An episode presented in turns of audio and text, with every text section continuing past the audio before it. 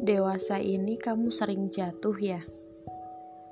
Terkadang sampai terpuruk dan bahkan tak punya semangat hidup. Kamu lupa caranya untuk berdiri tegak kembali. Padahal jika diingat dahulu, waktu kecil kamu pernah jatuh berkali-kali saat belajar menaiki sepeda. Tapi kamu tetap semangat untuk bangkit lagi dan pada akhirnya kamu bisa dengan sendirinya.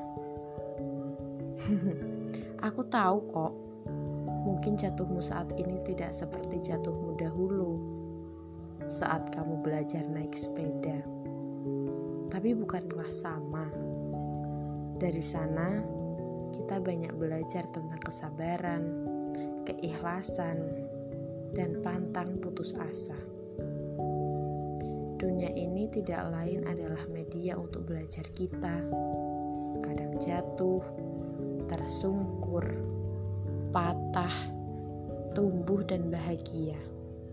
Kamu gak boleh lupa, jika kamu jatuh karena manusia, maka bangkitlah karena Allah semata.